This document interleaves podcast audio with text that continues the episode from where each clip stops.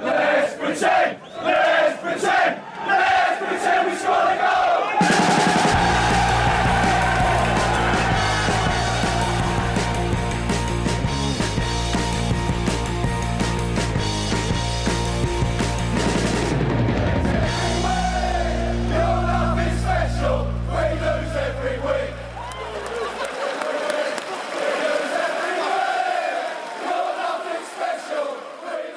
Sportbladets Premier League-podd. Eh, välkomna hit ska ni vara. Frida Makoto, ni är med mig. Eh, det är tisdag förmiddag och vi har en full omgång bakom oss. Det ska bli härligt att sätta tänderna i. Ehm, vart vill ni börja idag? Jag eh, blev lite så här perplex här. Vi satt precis och pratade innan här och fick reda på att Frida nästan aldrig nyser. Jag kan inte, jag kan inte komma över det. Nej, Jag tycker det här är men- jättefascinerande. Jag nyser jätteofta. Men jag tycker det är jättekonstigt att du säger att du nyser tio gånger per dag. Alltså det kan ju inte vara, det kan inte vara hälsosamt. Tänker man. Alltså, jag har ju inte hållit räkning men det känns ju som att det är något sånt. Men, men är det tio nysningskombinationer per dag? För det är också... Nej det skulle jag inte säga. Okej, så Det att du har ändå är räknat tre- ut det i tre separata, för, liksom, för mig brukar det vara liksom tre, bam, bam, pam. Ja precis. Så då är det så tre gånger du nyser per dag. För det räknas som en gång. Du kan inte räkna det som tre. Jag känner, tre kanske att, jag känner kanske att ni måste städa lite noggrannare hemma hos er. Eller någonting sånt. Det är jättestädat här, det har ingenting med det att göra. Ja. det är också det att, att jag är väldigt påverkad av solljuset. Det tyckte du också var konstigt. Ja, Men varför ska du vara så känslig för? Du får ju, vad säger man, man up. Ja, ja, om, vi har, om, vi har några, om vi har några allergiforskare eller kanske eh, någonting annat som kan forska på eh, Fridas slemhinnor i näsan så, så tror jag att vi har eh, medicinska upptäckter att göra där. Eller psyks ljusinsläpp på altanen också. Ja, men det där tror jag är väl etablerat. Eh, Att man kan nysa av solljus? eh, So, so, solljusnysningar. Ja, herregud. Ja. Eh, Ska vi, frågan prata är om, vi... ja, ska vi prata om fotboll nu? Ja, jag tänkte det. Eh, jag försökte, försökte konstruera en segway här. Eh, om vi lärde oss någonting ifrån The North London Derby. Där Arsenal ju i alla fall 75 minuter rullade ut Tottenham. Ehm, och när Lamela gjorde det där fenomenala Rabona-målet så var det ju verkligen ologiskt. Ehm, Frida, var du på plats till att börja med? Nej det var jag inte. Jag var på eh, Fulham City i lördags. Så det var, det var Ja. den helgens eh, match. Men eh, ja, det, det, finns ju, det finns ju saker att diskutera om man säger så kring den här matchen. Jag har aldrig skrivit en så lång matchkrönika som efter den här matchen. För att det fanns så många lager att ta itu med. Och egentligen om man ska börja i kronologisk ordning så var det ju det här beskedet om Aubameyang som kom precis innan matchen. Det var intressant för att jag hade läst eh, någon tweet från någon, alltså tidigare under dagen att de hade sett Aubameyang eh, komma körandes eh, i de norra delarna av London. Och då förstod man ju inte att han faktiskt var försenad. Han har ju väldigt, det ska ju sägas för de som inte vet, att han har en väldigt uppseendeväckande Ferrari. Det är inte bara det att det är en Ferrari utan det är så här hologram eh, inklädd Ferrari. Så att det är liksom ingen färg på bilen utan det är, ja ni, ni fattar. Eh, Man får googla annars. Det, eh, som Fatt- sagt, Fattar man, verkligen inte men... Men typ såhär osynlig bil, typ såhär man tänker att James Bond har i nyare filmer. Fast han har inte en Ferrari. Ja, men- precis. Alltså det är ju liksom en vuxenleksak mer än en bil, tycker man. Eh, I vilket fall så är han ju väldigt lätt att känna igen för dem i de norra delarna. Så man vet alltid när Aubameyang kommer körandes. Och eh, ja, han var ju tydligen försenad och det ska ju inte ha varit första gången det hände heller. Så att det fick ju Arteta att göra om lite i startelvan. Och där tänker man ju att det här kunde ju gå det här kunde ju verkligen bara ta två olika vägar. Alltså antingen så hade Arsenal eh, presterat jättedåligt mot Tottenham så att Arteta hade tvingats sätta in Aubameyang i den andra halvleken. Som kanske möjligtvis hade kommit in och redat upp saker. Eller så gick det som det nu gick. Att Arsenal faktiskt spelade väldigt bra fotboll. Eh, att Aubameyang inte ens behövdes på planen matchen ut. Och att Arteta på något sätt vann hela den här diskussionen då. Ehm, och det, det jag tycker egentligen är extra intressant är att Arteta enligt de här, eh, ja alltså enligt några källor där kring Sky-lägret ska ha uppmanat han som gjorde intervjun, att, att ställa frågan om Aubameyang. Liksom fråga specifikt varför han inte är med. så att han kunde berätta att det var av disciplinära skäl. Och det visar ju ännu en gång att Arteta har ju hållit på med detta ända sedan han kom till Arsenal. Att försöka, eh, ja men vi vet, vi har ju pratat om detta alltså väldigt mycket det senaste året. Just att alltså, själva kulturen i klubben har inte varit den bästa och att det är andra eh, ja, men spelare som har kommit in utifrån har reagerat på det här. Att man kanske inte alltid är i tid till träningar och att Wenger var väldigt slapp med sådana saker. Och det är ju väldigt tydligt att Arteta har försökt ändra på detta. Och en av de grejerna är ju då att lagkaptenen borde kunna komma i tid. Så här statuerar han ju ett exempel, givetvis. Och Ja vi får se, alltså Aubameyang ska ju vara jättesur på detta och han, eh, han var ju sist in och först ut. Eh, han det försvann ganska snabbt, han var inte ens med på nedvärmningen eh, efter matchen som alla andra som inte spelade var. Eh, men majoriteten av alla spelare i truppen ska stötta Arteta i det här beslutet. Så förhoppningsvis så, så lär han sig ju någonting av det och förhoppningsvis så kommer det bara gynna Arsenals fortsatta klubbkultur. Så att så det är bra, då har vi avhandlat den biten. En fråga, vad, vad, vad anser truppen om stängda dörrar till Zoom-möten? Jag vet inte om, om ni har sett, ja, har ni, ni har sett det här klippet på Arteta när han ska göra en Zoom-intervju och det blir världens grej av att dörren är öppen till intervjurummet. Jo, det nej. ringer någon klocka. Nej, han, han, sit, Jag har missat. nej, men han sitter där i alla fall och ska intervjuas. Och så bara dörren är öppen och så hör man någon som jobbar där bakom. Ah, sorry, sorry, uh, liksom. Och man ser hur irriterad Arteta är. Och det, det som är intressant är att han låter verkligen rädd killen. Som ska liksom stänga dörren. sorry, sorry, Mr. Arteta, sorry, sorry, sorry. Och liksom överdriver Klart. sina förlåt också. Det känns som att han verkligen... Han styr hårt. Mikael Arteta, ja, han har respekt. Det, det ska han ju. Det ska han ju. Uh, ja men jag tror väl, det, tror egentligen att det är det som behövs. Min enda fara har varit, alltså kring Arteta, att uh, han försöker ju, alltså rätt många av de grejerna han gör, det är ju säkert sådana saker som han exempelvis har snappat upp från Guardiola. Mm. Problemet med det är ju att Arteta har ju inte den här gedigna erfarenheten som Guardiola har. Guardiola för ju respekt med sig bara han kliver in i ett rum. Inte om Zlatan sitter där inne, men om alla övriga spelare sitter där. Så, så för ju Guardiola med sig en sorts pondus och, och, allt det här som han har åstadkommit i sin karriär. Arteta är ju inte riktigt där. Men det verkar ju onekligen som att han har respekt med sig och att han har majoriteten av spelartruppen på sin sida. Och jag tror inte att så var fallet för några månader sedan, alltså när vi hade en, hela den här Mesut Özil-härvan. Eh, Guendouzi inte minst, William Saliba, rätt många spelare där det var ganska stort missnöje ändå. Eh, så att mm. eh, förhoppningsvis för hans del och för Arsenals del så har han i alla fall ja, alltså få, fått lite bukt på det. Eh, men det är klart att det här var ju väldigt uppseendeväckande att, eh, att peta kaptenen. Men hade han inte gjort det, för det, så som jag har förstått det så skulle det ha varit Lacazette som hade bänkats i så fall. Och eh, med tanke på att Lacazette då ligger bakom det här 2-1 målet så ja, det, det, man vet ju inte såklart vad som hade hänt men det slutade i alla fall väl, så mycket kan man ju säga.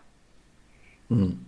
Verkligen, och Eh, Eh, det var ju ett Arsenal som trots de här, den här uppladdningen fungerade otroligt bra från början. Och vi har pratat väldigt mycket om eh, Saka eh, under den här säsongen som ett av ja, men de bärande spelarna, ung som han är. här blir det tydligt att även Smith Rowe har vuxit ut till en otroligt viktig spelare för Artetas Arsenal. Gör ju en, en otrolig första halvlek. och wow det är, sällan man det är sällan man som neutral supporter har önskat att en eh, boll ska gå ribba in lika mycket som man, eh, som jag i alla fall önskade att just den skulle gå in. För att han hade gjort det så, han hade gjort så mycket bra och att det var rätt beslut att ta det där skottet och det är så nära. Att, och det hade känts rättvist också med 1-0 vid det läget. Ja men verkligen. Och jag vet vi kommer ju prata mer om, om uh, Lamelas insats. Så att jag lämnar den åt sidan så länge för att annars så var ju det här Kvitteringsmålet var ju det mest förväntade målet jag någonsin har sett på en fotbollsplan för att så många gånger som de attackerade längs vänsterkanten. Det var ju helt otroligt. Där var man ju lite förvånad av Mourinhos approach. Han var ganska kaxig på den här presskonferensen inför mötet och sa någonting om att han, när han fick frågor om hur kommer du spela mot Arsenal så sa han jag tittar aldrig nedåt i tabellen eller någonting sånt. Och då, Klassiker. Ja, och då, då, då, menade han ju i princip att alltså, Tottenham kommer inte visa en massa respekt för Arsenal. Men frågan är om det inte hade varit bättre att han gjorde som han faktiskt gjorde i den andra halvleken. Att ha inne Cissoko från början, eller i alla fall tidigare i matchen, när han då såg att Doherty hade så stora problem på sin högerkant. Mm. Och det var ju så han vann mot Manchester City hemma. Det var ju genom att Höjbjerg och Cissoko klev ner och bildade en sorts, sorts sexbackslinje. Det var ju även en taktik som Solskjaer i princip anammade eh, när de mötte Manchester City. Sen är det ju skillnad på Manchester City och Arsenal, men de var ju faktiskt så Ja, alltså så av det Tottenham under, alltså inledningsvis eller i alla fall under hela första halvleken. Stora delar av den andra halvleken fram tills de får en man utvisad där de faktiskt blir bättre än Arsenal. Men under den tiden så känns det som att Mourinho kanske möjligtvis hade behövt tweaka någonting. Att han borde ha sett att Doherty hade så enorma problem. Jag håller med om att Smith Rowe var väldigt bra, men det var ju Teni också. Båda de spelarna är ju fantastiskt duktiga en mot en. Och tackar ju aldrig nej, de, de, de löper ju hela tiden. Och som springer hela tiden. Alltså så fort, ja men David Luiz till exempel som jag också tycker gör en väldigt bra match. Så fort han har bollen så ser man att det kommer löpningar eh, på vänsterkanten. De fick ju, medspelarna fick ju be om ursäkt flera gånger över att de inte hade slagit den bollen. Eh, så, så att, att det blir så och att Ödegård står placerad där han står i straffområdet, det är ju absolut ingen slump. Det var ju om man tittade på, ehm, på matchen mot Olympiakos till exempel så hamnade Ödegård i det läget flera gånger om under den matchen. Då missade han, alltså bedrövliga missar i den matchen. Ehm, men den här gången så satte han det i alla fall när han hade, ja, vad var det, på, på femte, sjätte försöket i alla fall när bollen hade kommit in. Så att det gav ju till slut utdelning. Ehm, men ja, det, det, var intressant att se hur passiva Tottenham var. Mourinho gick ju väldigt hårt åt Många av spelarna, eh, Gareth Bale inte minst, han sa väl inte direkt hans namn rätt, rätt ut sådär men med tanke på att han eh, plockade av honom tidigt så indikerade ju det att han inte var nöjd med hans jobb, kanske framförallt då hans defensiva jobb eftersom att Doherty inte hade något understöd. Eh, han gör ju ingen bra match Bale, ska man säga. Nej, han är väldigt, väldigt osynlig. Men eh, ja, eh, som sagt väldigt förvånad över Mourinhos approach till den här matchen. Eller att han tydligen inte lyckades motivera spelarna. För det, det måste ju vara så det var. Mm. Alltså, ja. Jag kan inte släppa tanken, men jag sitter bara fortfarande och tänker på Lamelas Rabona. Alltså. Den... Ja, det, var, det är ju ett av de sjukaste ja, målen man har sett. Det är så fruktansvärt vackert.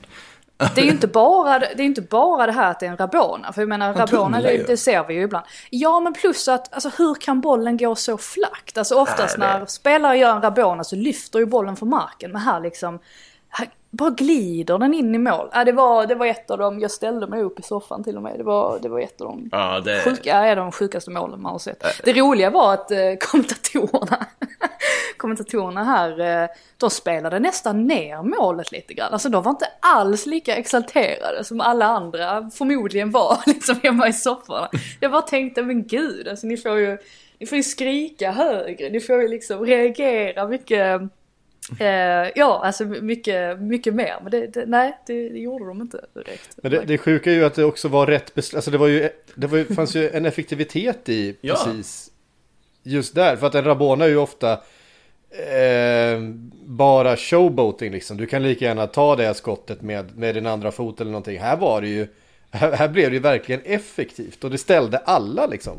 Um, mm. Typiskt Lamela också att vägra ta ett avslut med högerfoten. Man måste liksom, måste hitta ett sätt att ja, komma runt det. Han har ju gjort det förr eh, också.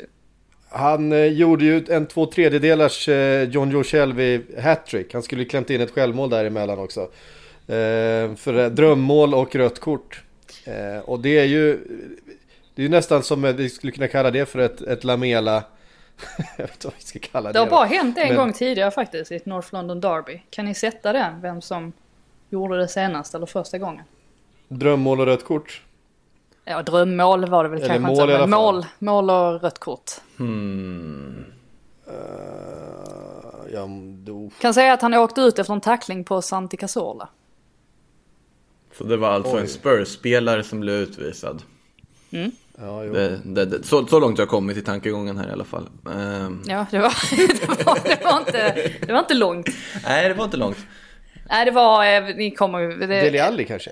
Nej, Adebayor var det. Adebayor, ah. mm. så länge sedan. Det är klart, det är ett tag sedan som Santi Cazorla spelade i mm. Arsenal. Det var det. De vände ju sen Arsenal, vann, jag tror det var med 5-2 eller något sånt. Ja, det var mm. ganska, ja. Och detta är ligan alltså då. ja. Mm. Lamela är, ja. Eh, det, det, är alltid kul att se honom på något sätt. Alltså man vet aldrig riktigt vad som händer när han går in på en fotbollsplan. Eh, ganska häftigt att se honom. Jag minns när man såg honom i, nu kommer det låta som en sån här, liksom, jag visste redan att han skulle bli bra typ av grej. Det är det verkligen inte. Men alltså när, man, när han spelade i River Plate och kom upp där i argentinska ligan, det var ju riktigt spännande spelare redan då. Och sen kanske man inte förväntade sig att han skulle bli en sorts truppspelare i Tottenham på sikt och vara där så pass länge och mer eller mindre en trotjänare idag. Och sen också är det ju liksom, det är ju typiskt Erik Lamela att göra två tredjedelar av ett Johnny Shelby hattrick. Det är ju Erik Lamela i ett nötskal egentligen. Jo men vad gör han också? Det första han gör när han kommer in istället för Son det är ju att springa rakt bort till Granit Xhaka och börja liksom gruffas med honom och försöka få honom övertänd. Och jag, för, jag, förstår honom för att det är ju, alltså är det någon man ska få liksom, är det någon som kommer tappa huvudet till slut så är det ju Xhaka också. Eh, men det var ju, ja det var ju för väl för Arsenals del att det inte hände. För att nämna det också, precis som jag var inne på där, att, att Son ju faktiskt tvingades utgå, vilket ju är den bästa omställningsspelaren de har ju. Eh, ja. Och eh, det, det, är väl troligt också att även om de inte hade varit med i matchen fram tills dess så är det väl troligt att de påverkades av det också. Å andra sidan så, ja, Lamelas Rabona hade väl aldrig hänt antagligen om han inte hade åkt på den skadan. Vi får se hur länge han blir borta också. Det är ju ett, ett orosmoment givetvis för, för Tottenham. Mm. Ja. Ja, um, um, Ska man nämna Harry Kane innan man spatserar vidare? Ja, det kan vi göra för att det vart ju en om, omdiskuterad tackling där bland annat. Eh, som en del har hört av sig till oss, och vill att vi ska ta upp. Och det har också varit diskussioner i andra sammanhang runt, eh, runt Harry Kane och hans... Eh, man kommer ihåg det där eh, från eh, Tottenham-dokumentären när Mourinho kommer in och det första han säger är ju Uh, I need you to be cunts, jag tror det är så han säger. Mm. Uh, det känns som att uh, Harry Kane lyssnade extra noga på det mötet. Därför att han har, han har lagt sig till med en, en ganska ful sida som jag inte kan känna igen från tidigare säsonger utan som känns som att den har liksom vuxit fram lite grann under Mourinho och säkert kanske är påverkad av att han har blivit tillsagd att han måste vara lite grisigare, lite, lite tuffare där fram. Men det, alltså, ja, alltså det, eh, men... det värsta är väl egentligen de när han liksom backar in i en i motståndare eh, som går upp och nickar. Eh, det har ju nästan blivit hans move lite grann. Eh, och han ja. kommer ju oftast undan med det också. Det är ju väldigt, alltså det är ju det är väldigt farligt. Alltså det, det kan ju sluta med att motståndaren om det går riktigt illa att han landar helt snett på nacken. Mm. Ja, Men som sagt här i detta fallet så eh, Mark Clattenburg som skriver i eh, Daily Mail en gång i veckan och, och, har liksom, han brukar summera alla domslut och sådär och situationer som, som inte granskades. Han tog upp den här situationen med, eh, det är väl Gabriel han är på där, Harry Kane. Ja, mm. och, eh, och hans verdict, eller vad man säger, var att det är ett solklart gult kort, men kanske inte rött eftersom att hans armbåge är inte uppe tillräckligt mycket. Det var i alla fall hans konklusion. Och man är ju lite förvånad över att det inte blev något gult kort. Det blev, blev det någonting överhuvudtaget? Nej, det blev ingenting. Där, Nej, det är också faktiskt. märkligt. Där är det ju alltså regelboksmässigt såklart helt korrekt med gult kort. Men där måste man väl kanske börja fundera på reglerna. För det där sättet han går in på där. Alltså... Det är hockey, hockeytackling. Ja, vadå? Då kan man börja prata om han borde ha koll på tacklingen liksom. Att, men det där är ju blindside. Alltså det finns jo, ju ingen chans för honom ens, att liksom, Man får inte ens göra så i hockey. Nej, man får inte ens Nej. göra så i hockey. Nej, inte det där matchstraff i hockey. I Jo det är det, det är match, det, det, det är matchstraffavstängningar i hockey. Absolut. Jo det är nog säger jag, jag har ingen aning. Men det känns jag, som det. Jag upp det också. Jag svarar, jag, jag, jag svarar med det självförtroendet bara för att jag har sett folk som kan saker om hockey kommentera okay. just den tacklingen. Nej men för det är ju blindside, han har ingen chans att parera sig själv liksom i det här läget. Han har ingen chans att undvika den tacklingen. Det är en tackling rakt in i ryggen. Eh, Alltså det, det är otroligt fult och det finns ju bara en tanke med det och det är att skada och sätta en smäll. Där borde man titta på regelverket och kunna bedöma att även om inte just armbågen är uppe, att den intentionen i sig ska straffas värre än vad den gör. Men som regelboken är idag så är det ju inte mer än ett gult kort, nej. Sen har det ju vunnits en diskussion här, alltså mycket kring, eller egentligen jag ser, det är väl mest eh, utlänningar eller vad man säger, men även engelsmän själva som menar på att ah, Harry Kane han kommer ju undan hela tiden för att han är lagkapten i, i landslaget och för att han är engelsman och så vidare och så vidare. Jag tror nästan att snart kanske det till och med kommer en sån här backlash att alla domare börjar eh, alltså kika på honom närmare och, och studera alla hans rörelser mycket, um, ja alltså mycket mer än vad man har gjort tidigare. Det är så det brukar bli egentligen när det blir en sån här massstorm. Så att jag skulle inte säga att detta är ju givetvis någonting man pratar om. Och som sagt, jag menar, Klattenburg tar ju upp det i sin, i sin liksom, mm. eh, kolumn trots att det inte ens blev någonting av det. Så det visar ju att eh, jag tror nog att domarna kommer hålla, börja hålla koll på honom så småningom trots att han då är Englands lilla kelgris. Man hoppas ja, ju det. Jag, jag, min, jag minns ju det där från, från Steven Gerrard. Han hade ju samma ska man säga, rykte eller problem eller sådär. Men då, det handlade ju mer om att han kom undan med en massa saker i pressen. Inte så mycket att domarna kanske, för att han fick ju ganska mycket gula och röda kort eh, i sin karriär. Eh, men däremot så kunde han göra fula grejer, bli utvisad och han fick väldigt sällan liksom bära hundhuvudet för att, eh, att Liverpool då förlorade matchen efter att han blivit utvisad eller att han spelade farligt och så utan det, det, var väldigt mycket ursäkter just eh, i, i, tidningarna. Ja, det var David Beckham som fick bära, bära hundhuvudet ofta. Det fick han ju definitivt göra. Däremot halka eh, inte, då, då får du skit. Det är liksom, tackla ja, hur mycket du vill men halka inte. förlora fotbollsmatcher ja. som betyder ganska mycket. Mm. Eh, men, Förlåt eh, Sök. men, men, men eh, det här med att eh, man skulle komma undan. Jag tror, det, jag tror snarare det är så. För definitivt så är det nog så att, att eh, vi ser ju till exempel att spelare som filmar eh, det här med att brittiska spelare sällan får kritik för att de filmar, filmar men att det definitivt finns brittiska spelare som har filmat otroligt mycket genom åren.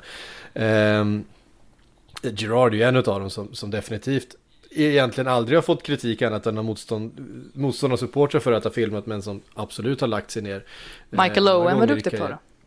Ja, verkligen. Han kunde eh, Nej, men alltså det är många, alltså Harry Kane är ju också en som har, som har fått eh, eh, ja, som har filmat i sin karriär men som inte har fått så mycket kritik för det. Och det menar det, Wayne Rooney, alltså alla de här har ju definitivt gjort det. För jag menar, de är fotbollsspelare på den absolut högsta nivån. Det, de har inte tagit sig dit genom att de är moraliskt liksom högre stående än fotbollsspelare från någon annan kultur. Utan de kommer göra vad som krävs för att vinna dem också. Mm. Ja, och sen, sen å andra sidan så, så får man ju säga att, alltså på tal om det där med, med att filma i straffområdet, eh, med tanke på att Phil Foden inte fick med sig den här straffen exempelvis förra veckan, så man klandrar inte spelare eller anfallare längre Nej. för att de lägger sig ner. För att, kan man inte få, om, trots att det finns VAR och man fortfarande inte kan få straff efter en sån grej. Det var väl i mötet med Southampton. Helt bisarrt. Ja, då, ja. då förstår jag varför spelare lägger sig ja. ner i straffområdet faktiskt. Tyvärr. Ja. Nej, det, det, där är ju, det där är ju ett väldigt, eh, ja det är en helt annan diskussion för sig, men det, det är såklart att det är ett eh, problem. Jag bara menar det här med mm. förstärka versus, alltså lägga sig ner. Alltså lite, ja. lite den där diskussionen mm. som också finns. Ja. ja, men du får ju i stort sett aldrig straff om du inte hamnar på, liksom, på mage i gräset. Nej, precis. Eh, vi hade en situation igår, kan, ja, jag tror inte vi kommer komma in på den för den blev ju inte speciellt avgörande, men, men där Sadio Mané eh, rundade eh, Rui Patricio. Eh, så jag är ju faktiskt på honom med handen på foten efter att ha rundat honom, men han, han behåller balansen, kommer ur vinkel och det, det blir ju ingenting. Det är klart, hade han, bara, hade han bara lagt sig ner där så finns kontakten och då blir det ju straff. Eh, för att det, det har vi sett att, att det är så VAR bedömer det rätt många intressanta situationer i den matchen. Tänker på den med Semedo och Allison precis i början av matchen också. Såg också vi, lite vi, konstigt ut. Vi kommer till den. Ja. Eh, ska vi dra några fler slutsatser utav eh, eh derbyt i London? Mer än att, eh, ja, sen får ju Tottenham den här utvisningen och då är det som att eh, det, det, är någon slags handbroms som släpper. Att de får helt plötsligt väldigt lite att förlora och kan börja ösa på framåt. Och då ser ju Arsenal plötsligt ganska bräckliga ut och det är ju väldigt nära där på slutet med Harry Kanes frispark i stolpen och, och returen som väl Gabriel eh, styr undan med huvudet eh, i den situationen är det ju väldigt nära att det faktiskt blir eh, en kvittering ja. för, för Tottenham. Och det är ju ett, det är ett underbetyg till Arsenal. De måste ju, när de är en man mer så måste de ju kunna se ut matchen. Och det lyckas de ju inte med här, för annars är ju det någonting som jag tycker att alltså är en av de stora förbättringspunkterna eh, sen Arteta kom in, eller i alla fall nu eh, den senaste tiden att när de har hamnat i underläge så har de faktiskt börjat lyckas eh, komma tillbaka in i matcherna och vända resultaten, något man inte, eller något man hade otroligt svårt att göra tidigare. Ehm, men här visar de ju istället för det här starka psyket så, så blir det ju på något sätt tvärtom, att de blir jättebräckliga mentalt. Vilket ju gör att man sitter och tänker att jaha, hur kommer det gå i returen mot Olympiakos nu då? när de ligger så, när de liksom går in med ett ganska skönt resultat i ryggen. Kommer de inte kunna, eh, ja, alltså kontrollera den matchen 90 minuter ut? Det är ju någonting Arteta verkligen måste se upp med och försöka få dem att inte bli så skakiga och rädda så fort Tottenham eh, trycker upp. Eh, så att det, det var väl liksom, ja, en, en fläck ändå på Arsenals match där i stort. Vi får väl skänka en tanke till målramen på höger sida av målet också. Den fick jobba verkligen alltså under den här matchen, herregud. Alltså med stolp och ribbträffar och alltihopa. Otroligt ja. häftigt derby. Verkligen. Ja, det var det. Det var, det var ett eh, underhållande, mm. eh, underhållande fotboll.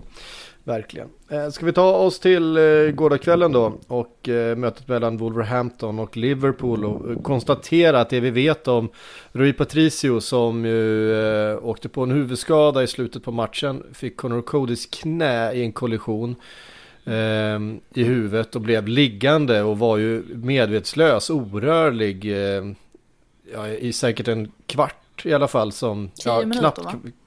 Ja, jag tror det var mer än 10 minuter faktiskt. För det var, klockan var på, på, ja, på 110 minuter när de bar ut honom. Och då hade han ju legat några minuter före, före fulltid också. Så att det var länge i alla fall som de var där. Och det är klart med, med tanke på Jiménez liksom skada tidigare just för Wolverhampton. Så det är klart att eh, det blir på något sätt eh, eh extra jobbigt för, för Wolves-spelarna. Och eh, Ännu en anledning till varför man ska eh, höja flaggan direkt. Mm. Ja, precis. För det var ju en, en situation där Mohamed Salah hade eh, sprungit sig fri men var offside. Eh, och stoppat bollen i nät och eh, Conor Cody kom liksom efter och kolliderade då med, med Patricio. Sen tror jag i och för sig att den situationen, det är jag är inte säker på att det hade hjälpt just det här, för det var ganska kort avstånd. Det var inte speciellt många sekunder, det var en eller två kanske. Jag är inte säker på att spelaren hade hunnit uppfatta den flaggan om den hade kommit upp direkt. Nej, eh, Likväl. Men, men, vi har ju sett andra, eh, andra exempel på det eh, och eh, eh, under säsongen att, att eh, det har uppstått incidenter som inte borde, som annars inte hade uppstått om, mm. om spelet bara hade varit avblåst. Um, men eh, besked i alla fall igår kväll då från eh, eh Nuno att eh, det ska ha varit ganska okej okay med honom. Är, är okej, okay, att han var vid medvetande, att han kom ihåg eh, situationen också så att han har inte då liksom tappat det där närminnet som man gör om man får en, eh, en allvarlig hjärnskakning utan han har... Jag tror till och med de eh, väntade med att föra honom till sjukhus också vilket ju är en mm. väldigt positiv indikation. Så han ska vara okej okay i alla fall. Um, övrigt i matchen, ett Liverpool som startade med samma mittbackspar eh, två matcher i rad. Jag vet inte vad det har hänt eh, den här säsongen överhuvudtaget. Eh, samma mittbackspar då som spelade mot eh, RB Leipzig i veckan, nämligen eh, Ozan Kabak och Nat Phillips. Eh, Kabak som var väldigt, väldigt bra i den här matchen faktiskt. Mm. Han börjar hitta sin, sin plats och lite självförtroende i det här laget. Och Ehm, vi ser ju också vad det betyder att få upp Fabinho då på mittfältet. Eh, som också var väldigt bra i den här matchen. Mm. Ja, och sen Jota mål mot sin gamla klubb. Det var ja, väl han som Tänk att det göra. så ofta blir så. Ja. det, är, det är faktiskt sjukt att... hur ofta det, det är. Alltså, spelare mot sin gamla klubb som är mål. Jag vet inte om det finns någon anledning till det. Att, det, att de känner Extra det försvar. Ja, där finns ju också, men liksom tänker att de vet hur försvaret beter sig, vilka sätt de arbetar på i det, att de vet hur man kan överlista det. Lite så. Men det borde vara tvärtom också, tänker jag. Jag tror, det måste, jag tror att det är mentalt på något sätt. För att eh, onekligen är det så att det är, att det är väldigt typiskt och väldigt ofta det händer mm. så. Den, den, allra tydligaste är ju Frank Lampards mål mot Chelsea med, eh, med Manchester City. Oh. Man bara visste att det skulle hända. Men det är så här, det, det blir en, en självuppfyllande profetia på något sätt. Alla känner att fan det här, det här hade varit så sjukt. Mm. Eh, och när situationen kommer så är det som att alla på planen känner nu händer det. Och då är det klart att det händer på något sätt. Mm. Det är nästan så att vi inte kan prata för länge om den här matchen. För att så rolig var den inte. Nej, alltså det, Nej, det var inte så roligt. Det var, det var andra, andra 90 plus 10 som jag hade kunnat göra något annat av mitt liv med. Där kände jag verkligen, det var inte bra kvalitet alltså. Nej, det var, det var otroligt, eh, otroligt stökigt mittfältspel. Alltså, jag vet inte vad det är med Thiago, men han var för, för en gångs skull inte vän med bollen. Slog bort passningar. Alltså, det var en, alltså, en sekvens av matchen när Thiago och Wijnaldum, som normalt sett är liksom de två bolltryggaste mittfältarna som Liverpool har, liksom stod slog bort fem meters passningar som skulle gå till varann och inte lyckades skydda boll. Alltså det var, och, och Wolves lyckades inte göra speciellt mycket med med det heller. Utan det var, var en ganska, ganska dålig match. Och ska man vara riktigt ärlig så borde väl Patricio haft det skottet också från Jota. Så att eh, även målet som, som kom till eh, var väl en, en liten målvaktstabbe får man ändå säga. Eh, för det är ju inget, inget otagbart skott på något sätt. Men, men eh, eh tre poäng för Liverpool och framförallt eh, beskedet om att Patricio är eh, frisk och hel efter den. Mm. Ja, frisk och hel förhållandevis i alla fall, eh, är väl det, det, det främsta beskedet som kan, vi tar med oss. Ska vi säga någonting om den här situationen med Allison då, som du var inne på? Ja, nej, jag har inte så mycket att säga om den egentligen. Jag var förvånad över att de inte ens... Um, över att ingen verkade reagera på den uh, överhuvudtaget. Nej. Sen vet jag inte, nu har jag inte ens sett den Alltså, vi, alltså, jag har inte sett någon repris av den, men jag vet inte om det är ett Semedo, söker han den kanske? Jag, jag vet inte. Annars tycker jag det är konstigt att de inte granskar den. Med tanke på att, ja, alltså, det, det känns som att de borde ha gjort det i alla fall. Men det var inte så många som reagerade. Nej, alltså för er som inte har sett det då, Alisson fumlar med bollen och snubblar framåt och landar liksom på Semedo som faktiskt också söker den ganska mycket. Ja det gör han, han jag att, tänkte ja, det var någonting. Jo, alltså det, det, det var som vi var inne på, han, han, det finns ju kontakt där såklart. Och, och Alisson snubblar ju över honom på något sätt. Men han, han eh, gör ju inga, inga större ansträngningar själv för att stå på fötterna. Ja. Eh, då jag har måste... inte sett situationen så noggrant Nej. sen igår kväll heller. Men det var i alla fall så jag uppfattade det då. Då måste vi ju gå vidare till helgens absolut viktigaste match. Southampton-Brighton. Jag tänkte precis säga att det är väl Southampton-Brighton vi ska till då va? ja, då tar, vi, då, då tar vi oss dit helt enkelt. Eh, tre ja. poäng för Brighton. Ah, herregud. herregud. Alltså den sista, de sista 20 minuterna. Alltså Potter kan ju inte ha mått bra. Eller ja, inte ens Björn Hamberg och Billy Reed kan inte heller ha mått bra för den delen. Det var ju verkligen, eh, ja, eh, vad säger man här? här eh, ja, de fick, de fick verkligen ge allt de hade de här sista minuterna om man säger så. För att mm. de skulle kunna få med sig den här trepoängaren. Och man såg ju också efter slutsignal, alltså de här, de här segervrålen, de var verkligen, eh, verkligen innerliga. Um, mm. För att det blev, ju, det blev ju spännande ända in i det sista. Men väldigt viktiga tre poäng. Eh, tror väl att en av nycklarna till att det faktiskt blir så, för de får ju en väldigt bra start där med Louis Dunks mål redan efter en kvart. Och sen så kvitterar ju eh, Che Adams. Det var väl säkerligen därför Potter inte ens jublade vid 1-0 målet. För att han kände att nej, det här kan vi liksom inte. Det är fortfarande en lång väg kvar att vandra. Och det var det ju också uppenbarligen. Tanke på att Southampton gör det här kvitteringsmålet.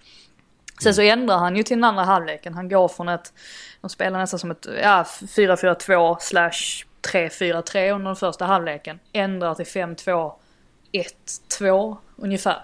Och det, det kändes betydligt mer stabilt eh, gentemot, eh, jämfört med den första halvleken. Och det var ju faktiskt så det segermålet kom till också där när Trossard drar in den i, vad 56 minuten och någonting sånt och sen så byter de till och med in, eh, eller han byter in, eh, Pröpper som vi ju efterlyste förra veckan att han skulle göra för att eh, säkra upp lite mer på det centrala mittfältet. Så att även om det är, det är en lång väg kvar att gå fortfarande för Brighton, de är ju långt ifrån säkra. De har en jätteviktig match här mot Newcastle i helgen bland annat. Mm. Men eh, ja, alltså väldigt, väldigt vital trepoängare för deras del. Så att ja, skönt för Potter att kunna jubla efter slutsignal eh, för en gångs skull. Hur oroliga ska vi vara för Southampton tänker jag? Alltså, det, är, det börjar närma sig ändå. Ja, men jag tror, ja, men jag tror det är ganska lugnt ändå. Borde ju vara. Ja, precis. Alltså, det är ju ett underbetyg från mm. dem givetvis att de bara tagit, vad är det, en seger på, är det ju hur många matcher som helst egentligen. Um, men um, samtidigt så, ja, alltså visst, de har ju Tottenham här nästa, nästa omgång tror jag. Uh, eller nej, det var nog matchen som sköts fram. Den har skjutits fram va?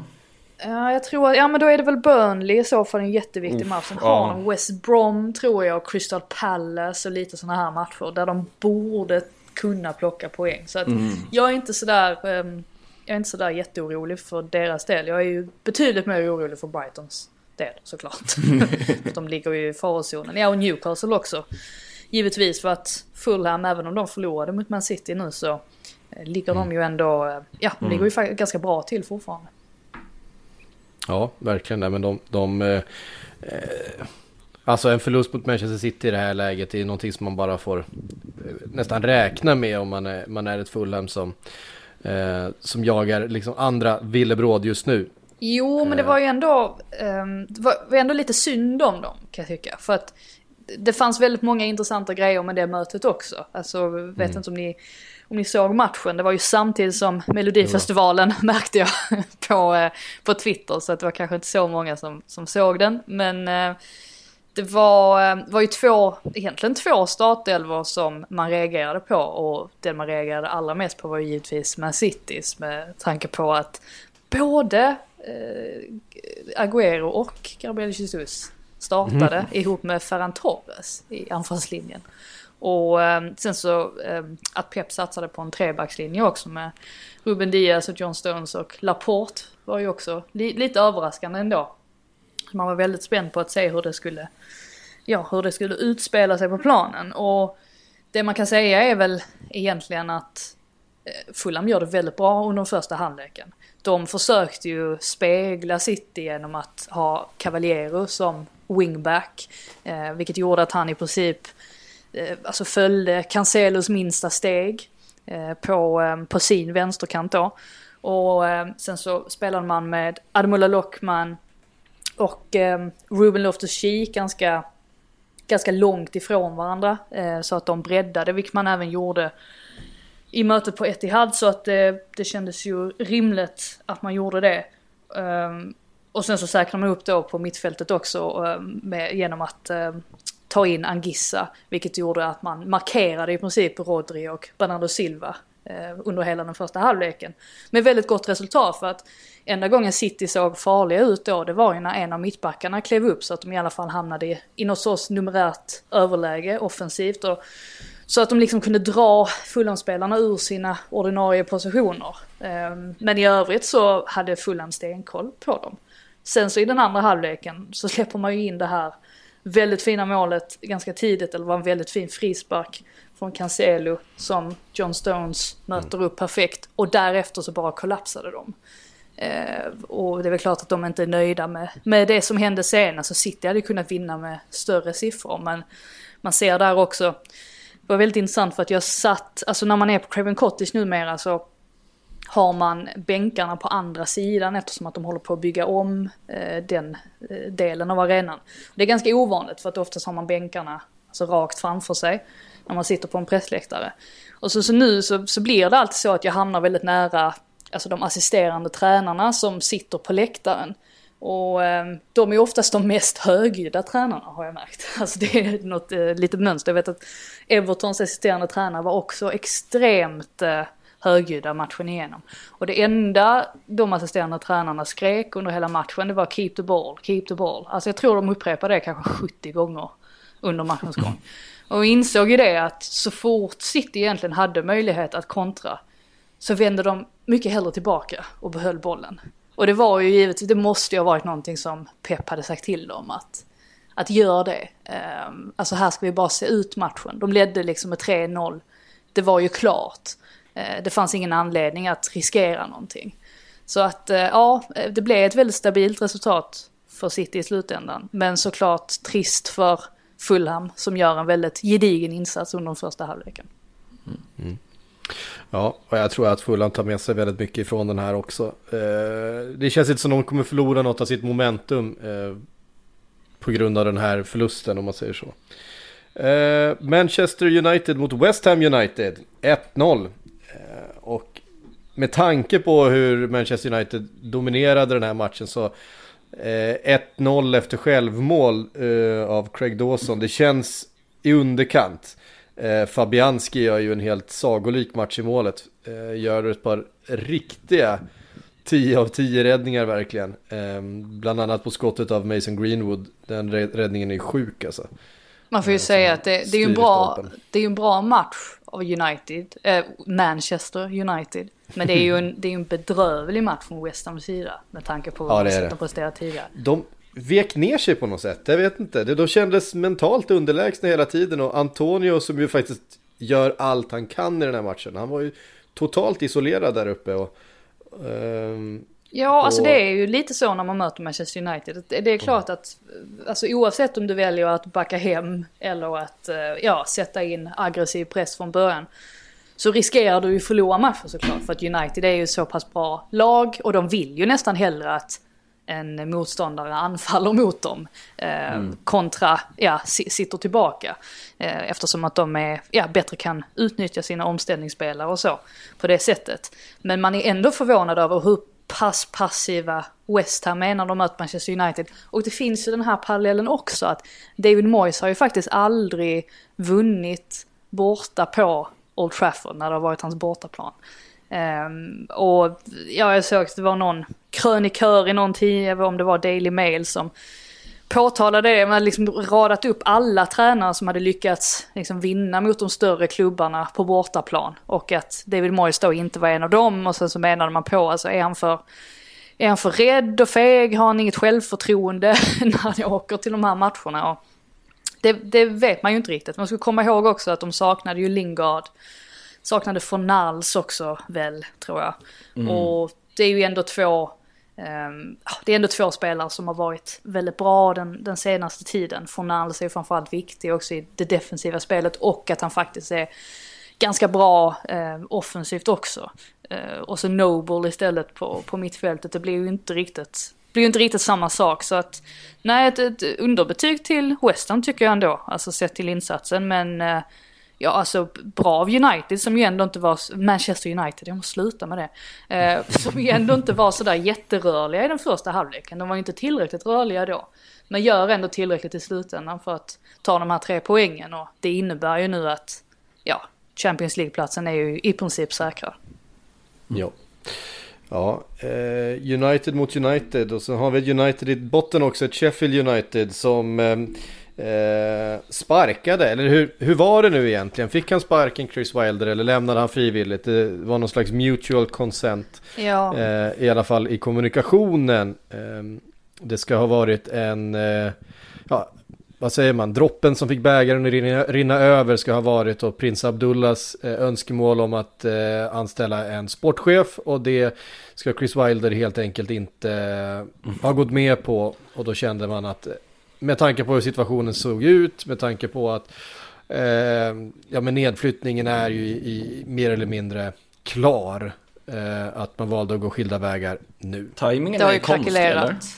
Ändå. Eh, Nej, men det, det, visar ju också att det har ju, eh, det har ju krackelerat under en ganska mm. lång tid. Jag vet att i höstas pratade vi om, när det började gå dåligt för Sheffield United, så var ju Prince Abdullah väldigt tidigt ute med att Eh, stötta Chris Wilder öppet och menade på att nah, men ska vi liksom gå upp igen så är ju Chris Wilder den bästa möjligheten vi har. Men som sagt, det är de här små grejerna som har eh, gjort att relationen dem emellan, eh, ja, alltså mm. inte riktigt har eh, varit speciellt bra nu här på slutet. Det ska även vara att Chris Wilder var irriterad på att eh, ja, alltså ägarna och själva ledningen hade gått ut och, och pratat om att och menar på liksom att ja, vi betalar ut löner som är som ja, alltså hör hemma i Premier League och inte i Championship och så menar Chris Wilder att det är inte sant för att det visar sig att medellönen i Sheffield United är ungefär hälften av vad medellönen i majoriteten av alla andra klubbar är. Vilket ju visar att de har ju faktiskt inte satsat så mycket pengar som man kanske hade trott. Sen har de ju plockat in spelare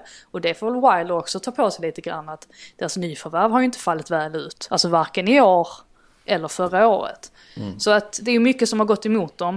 Eh, men det går ju inte att komma ifrån att man känner att Sheffield United har förlorat sin, sin viktigaste spelare nästan i Chris Wilder. Och ehm, ja, vi ser ju till exempel på Norwich som åkte ut förra säsongen eh, med Farke. De behöll honom i alla fall. Nu är de på väg upp igen. Så att eh, deras bästa chans till att komma upp igen var kanske just med, med Wilder. Eh, nu blir det inte så. Eh, det ska ju, ja, alltså ska ju inte vara speciellt bra stämning i omklädningsrummet just nu. Att det är många spelare som är besvikna på det beslutet. Och det syntes ju inte minst där då i storförlusten mot eh, Leicester. Det var ju, var ju det sista man behövde egentligen. Mm. Mm. För det Chris Wilder faktiskt aldrig gjorde med Sheffield United var att förlora med 5-0. Nej. eh, vilket de gjorde efter hattrick av Ian Nacho.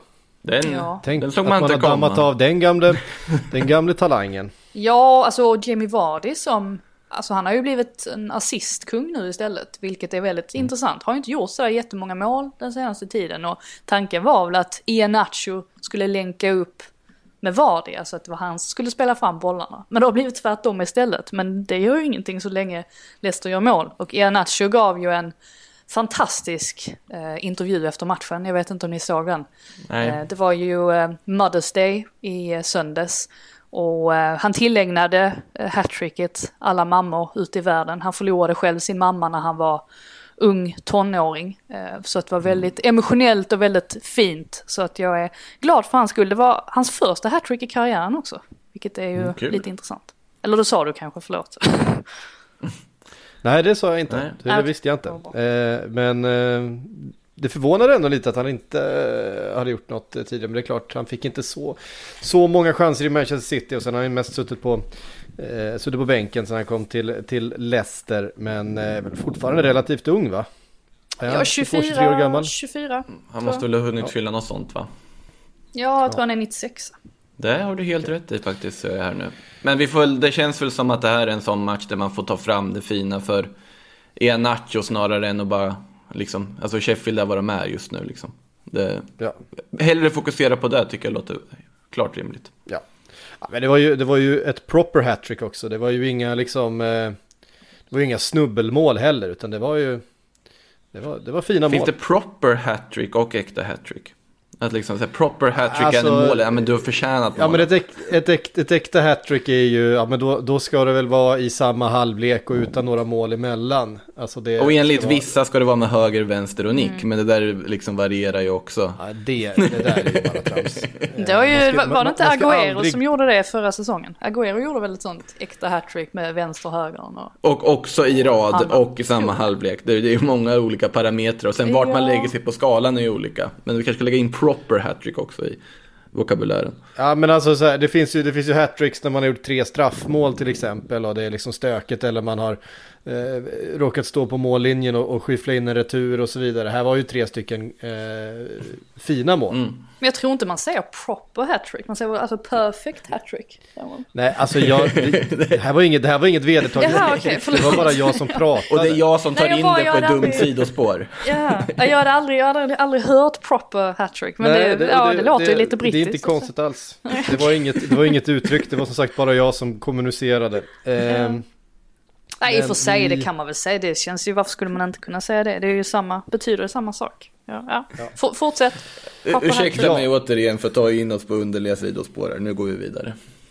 Ja, eh, nej men som sagt, och, och skönt för Leicester också som har haft lite svajig form senaste tiden och, och behöver ju gör, lyckas med det man misslyckades med förra säsongen, nämligen försvara den här eh, topp 4-placeringen som man ju har. Det är ju fem poäng ner till Chelsea som ju eh, eh, kryssade mot Leeds då eh, i den tidiga matchen i, i lördags. Eh, Har du mycket att säga om den?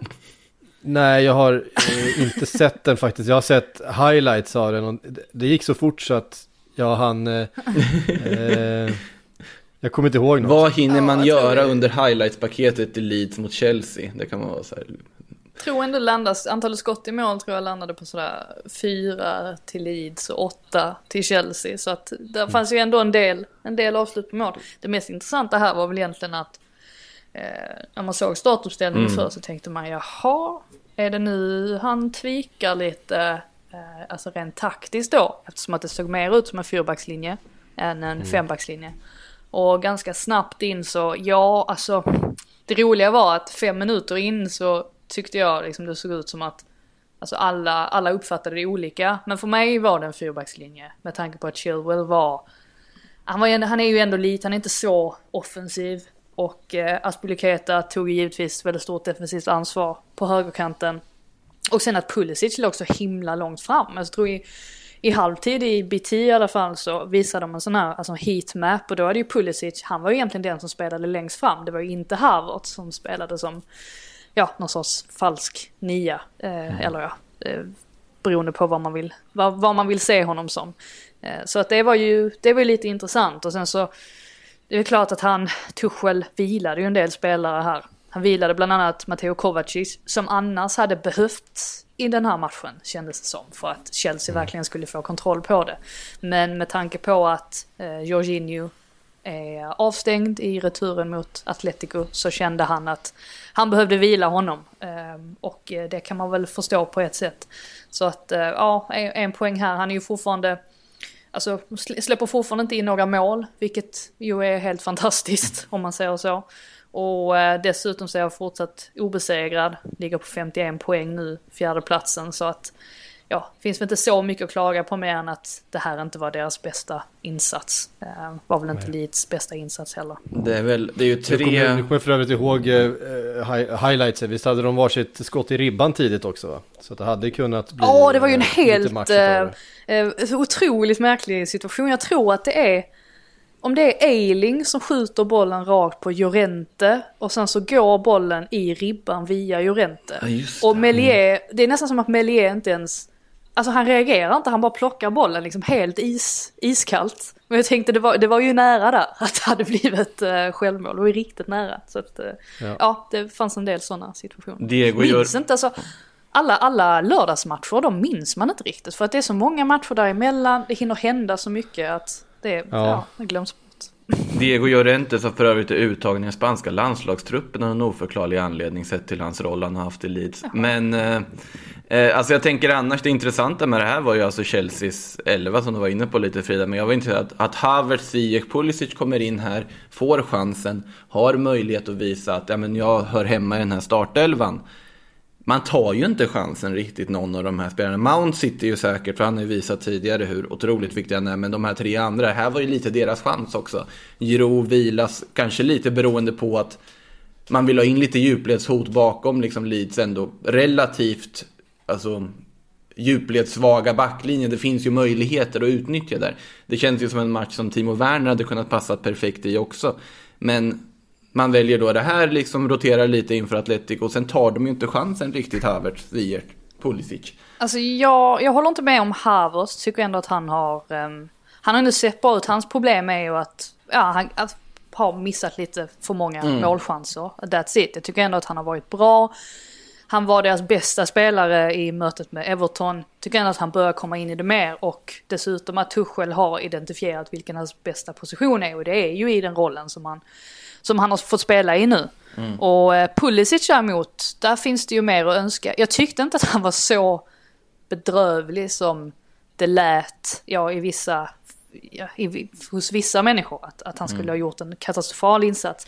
Jag tyckte ändå att han kom runt ett par gånger på kanterna och levererade ett par ganska bra inlägg. Men det är klart, han har inte visat tillräckligt mycket och förra veckan så kom det ju redan uppgifter om att han ska se sig om efter andra alternativ och det är ju lite, alltså, det är ju lite ironiskt också så snabbt det går i fotbollssvängar att Eh, det var inte sådär jättelänge sedan när, när Lampard var där och Pulisic ändå var liksom mm. en av de mest vitala spelarna man hade att tillgå.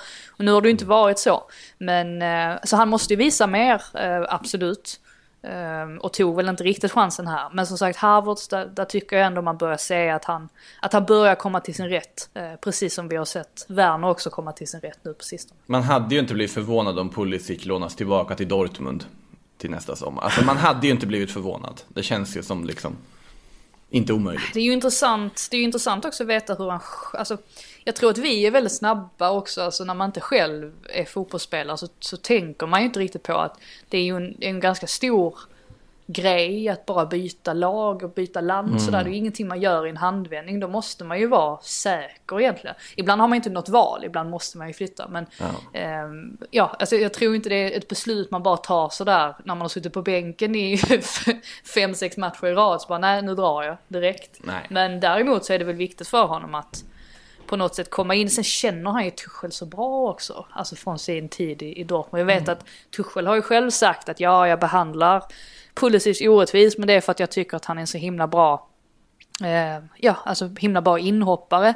Sen tycker jag väl inte alltid att Pulisic har varit en jättebra inhoppare, men eh, ja, det, det är svårt det där. Men det mm. känns ju som att vi ska nog inte ge upp om honom än. Eh, så mycket kan man säga. Nej. Um, det pratas ganska mycket om Liverpool där faktiskt för Pulisic. Um, Ja, det, men, men Klopp, varit... Klopp uh, skrattar ju bort det också lite när han fick fråga om det. Liksom. Eller tror inte ens han Vi pratar inte om spelare som tillhör andra klubbar, klassiska. Nej. Uttrycket. Det, där, det misstaget har man, de har gjort förut så att säga. Fick de vänta ett halvår på van Dijk. Så kan det gå. Ehm, Everton Burnley 1-2. Ett, eh, i alla fall inledningsvis, frejdigt eh, Burnley. Det är man ju inte så van Ja, jag tänkte precis på det. Jag såg bara första halvan av den här matchen och slogs av hur dominanta Burnley var. Alltså jag tänkte, vad, vad, gör, vad gör Everton? Alltså i den matchen. De är ju, de är ju rätt roliga också, Burnley, för att eh, de är ju lite ojämna tycker jag. Alltså i vissa matcher så kliver de ut och så är de så här som mot Everton. Sen i andra matcher så exempelvis mot Tottenham och ja, den första halvleken mot Arsenal så är de jättesårbara. Eh, men här så exponerar de ju direkt eh, mm. Evertons diamant på mittfältet. Som ju inte mm. fungerade alls överhuvudtaget. Och får det där tidiga målet. Och sen, jag menar, vad, vad händer med Dwight McNeil? Jag tycker nästan synd om honom att Lamela gjorde det här Rabona-målet just den här helgen. Ja, Annars hade vi ju bara pratat om McNeils mål. otroligt ja. vackert. Ja. Ja. Eh, Får nämna, nämna lite, lite målvaktskampen också där. För att det var ju lite det man hade målat upp det som inför att det här var ju Pope mot Pickford. Alltså vem ska starta mm. för England i, eh, i eh, EM i sommar. Eh, Pickford som ju tvingades utgå efter 43 minuter. Eh, Olsen fanns ju inte heller med så att det blev ju Virginia som fick komma in. Eh, var ju lite, lite oväntat kanske. Ehm, mm. Eller nej, det var det ju inte, men det, det, var ju en, en, riktig, en riktig chans för honom får man säga. Jag tror inte att han hade förväntat sig att han skulle få komma in. Nej, ehm, höll ju så, nollan ändå från att han kom in. Absolut, och eh, vi får väl se nu här om, om eh, ja, vad som händer med Pickford. Det verkar inte vara så allvarligt, men det kan ju säkert bli så att Pope är den som får stå nu i, i VM-kvalet exempelvis. Och då vet man ju inte hur Gareth Southgate resonerar i sommar. Så att det, det lär bli en eh, tät kamp dem emellan. Mm, ja, alltså jag... Jag hade ju spelat med Nick Pope. Ja, ja det, det hade du naturligtvis. Det beror ju lite på, alltså... Jag förstår, jag tycker Pope är en jättebra målvakt kan ändå förstå det här med att, alltså med Pickford så har du ju någon som kan Ja, alltså han är ju en spelfördelare på ett annat sätt jämfört med ja, Pope. Precis. Vi vet ju inte ens hur bra Pope är med fötterna eftersom att Burnleys spelsätt med 4-4-2 gör ju att vi inte får se det sådär speciellt ofta. Ja, Nej, men, och det, alltså allt, det, det är som du säger, det handlar ju väldigt mycket om hur, hur Gareth Southgate vill, vill agera med sin backlinje. Mm. Eh, skulle man, ska man stå högt och behöver någon som kan vara en sweeperkeeper då är det ju klart att eh, Pickford är, är eh, det klart bättre valet. Tror man i alla fall, för det är ju som du säger, man har ju inte sett eh, Pope i, i den rollen riktigt. Nej, jag vet faktiskt Men Pickford inte. vet vi ju vet vi att han, att han eh, är en eh, riktig avlastning för, för backlinjen i, med sitt eh, fina, fots, fin, fina spel med fötterna. Mm. Eh, säga något om Newcastle Aston Villa då innan vi tar och svarar på ett par frågor. Man kunde gjort något eh. roligare av den fredagskvällen. Det är väl det jag kände personligen av att sett spenderat den. Ja, otroligt, otroligt, otroligt viktigt mål av Ja, det var det. Det var det. Det var det. Eh, det var så tungt så att man eh, visste inte var man skulle ta vägen eh, nästan. Eh, så att ja, det är ju som sagt, väntar ju en väldigt, väldigt viktig match här i, i helgen. Mm. Mot eh, Brighton. Den, eh, det är ju den enda matchen också va? Tror jag. Så att den kommer alla kunna kunna se om man så vill. Det är ju bara är fyra matcher till helgen. Mm. Eller i alla fall Premier League-matcher då. Eftersom att det är mm. cup och sådana skojsigheter. Mm. Ja, ehm, ja, men ändå en viktig poäng för Newcastle ju. Mm. Ehm, där nere. Ehm, får man säga. Var det någon som ja, såg Palace ta... West Brom? Ja, eh, det, det, gjorde jag. Eh, var väl inte heller eh, ja, gud måste nästan tänka eh, vad som hände i den matchen.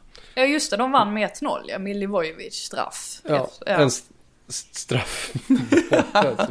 Roy, Roy mot Big Sam. Ja, jag vet Vilken match. Nej, var, det var stackars Roy. De, eh, om jag inte missminner mig helt så hade de hängt upp, alltså Crystal Palace supportrar hade hängt upp någon banderoll, om det var på träningsanläggningen eller Sellers Park, jag tror det var träningsanläggningen, där det stod någonting, jag kommer inte ens ihåg de exakta orden, men det handlade i alla fall om att Pärla spelar en förbannat tråkig fotboll just nu.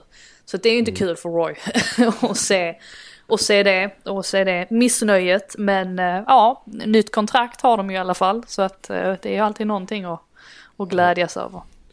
Riskgruppsderby kan vi kalla det. Ja. Mötet då. eh, de är nog vaccinerade båda två skulle jag tro. Vid det här laget. får man väl nästan utgå ifrån. Mm. Eh, efter drottningen så är det väl Roy som ska vaccineras i stort sett. Big Sam köper sig in vi... på ett hörn också säkert. säkert. Eh, vi tar lite frågor innan vi knyter ihop för idag. Eh, Oskar Karlsson vill att vi ska prata mer om Scott McTominay, inte kanon i helgens match, men hur han under säsongen har hittat en offensiv växel.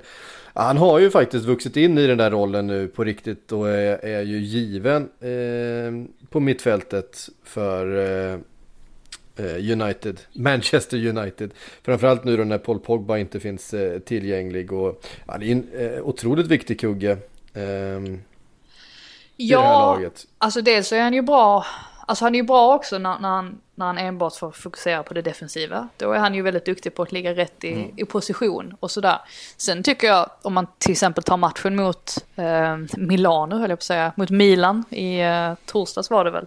Så var ju han, alltså där jag tyckte Matic var bedrövlig, så var ju McTominay den som precis som eh, frågeställaren är inne på där att han transporterade upp bollen vid ett antal tillfällen, alltså slog de här rakare passningarna. Så det tycker jag absolut, där håller jag med om att han har utvecklat sitt spel och minns även tillbaka till matchen hemma mot Leeds där han ju kom fram väldigt fint i, ja och gör ju mål också väldigt tidigt och kom fram kom fram väldigt fint i uh, mer offensiva positioner. Så att uh, ja, jag håller med om att han har, han har utvecklat sitt spel. Uh, sen är det ju frågan vilken den bästa mittbacks, eller mittbacks, mittfältskombinationen är.